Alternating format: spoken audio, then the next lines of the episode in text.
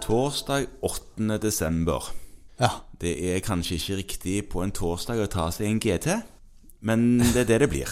For i dag skal vi snakke om en gamma GT, Ja. som kanskje ikke er en gin-drikk, men noe helt annet. ja og en sånn GT, ja. Ja.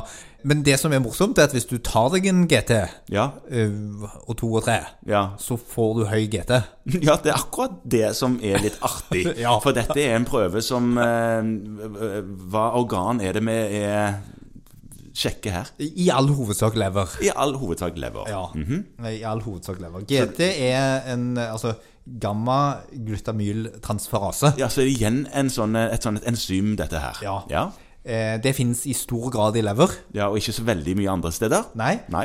Og grunnen til at man tar den prøven, er at man mistenker en leverskade. Ja, Så den GT-en må du ha drukket eh, ganske jevnt og trutt over tid, da. Ja, altså det som står her som indikasjon er vel alkoholmisbruk. Mhm. Eh, Det er jo et definisjonsspørsmål, er det ikke det? Absolutt et Misbruk. definisjonsspørsmål. ja da, ja da. Så noen av de du tenker at misbruk, vil du si at misbruk er å slå det ut.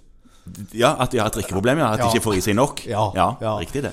Men, men all mulig mistanke om leverskade, og kanskje mm, tenker også mye på galleveislidelser, altså gallestase, der det Mhm. stopper opp, så er det nyttig å ta GT, og da blir den høy. Ja. Eh, Da blir den høy. Så det ses ved det, og så ses det f.eks. hvis du har tatt leverskadelige medisiner. Ja, ok. Så hvis du har en for eksempel tatt altfor mye paracetamol Ja, når det begynner å vise i GT-en din, da får du får håpe at du er på sykehus, for det, det Ja. er virkelig ikke bra. Nei. Og så kan det vises ved, ved f.eks. kreftsykdommer i leveren eller Sånn, ja. Mhm. andre sykdommer i leveren, så kan den bli høy. Ja.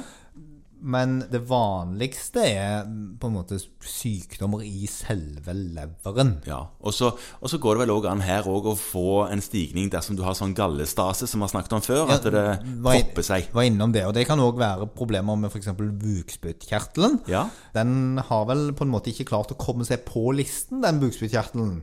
Nei, jeg tror ikke det. Eh, nei. Men grunnen til at du tar opp den nå, det er fordi at bukspyttkjertelen ligger sånn til at dersom det skjer noe der, så kan den stoppe til galleutførselen. Ja, dette er jo nok en av de der briljante konstruksjonene som, som jeg vet at du er veldig glad i. ikke Ja. sant? Det at man da har konstruert det sånn at normalt fungerende galle er helt avhengig av at det ikke blir noe propp i bukspyttkjertelen. Ja. Ja, Det er akkurat det. ja. Og, og hvis man igjen har vært litt glad i GT, Mm. eh, så kan man jo få en svær betennelse i bukspyttkjertelen, som Det går igjen an. da skaper problemer med gallen.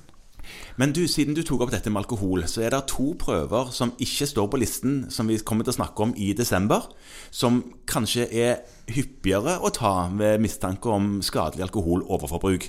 Og det er CDT Og pett. og PET. Ja. Og Vi skal ikke snakke om de siden de ikke står på listen, men det er kanskje sånne prøver som eh, Som du tar når du får en høy GT uten god forklaring, Ja. og med mistanke om høyt inntak av alkohol. Ja, CDT og PET. Men det blir noe annet. Ja. Så GT er for så vidt en prøve som er fornuftig å ta ved veldig mange tilstander. Mm. Eh, også i forhold til å skrine for uheldige medikamentbivirkninger. Ja. Så er den grei å ha med. Tas mye, og der bruken nok fremstår som rimelig fornuftig. Ja.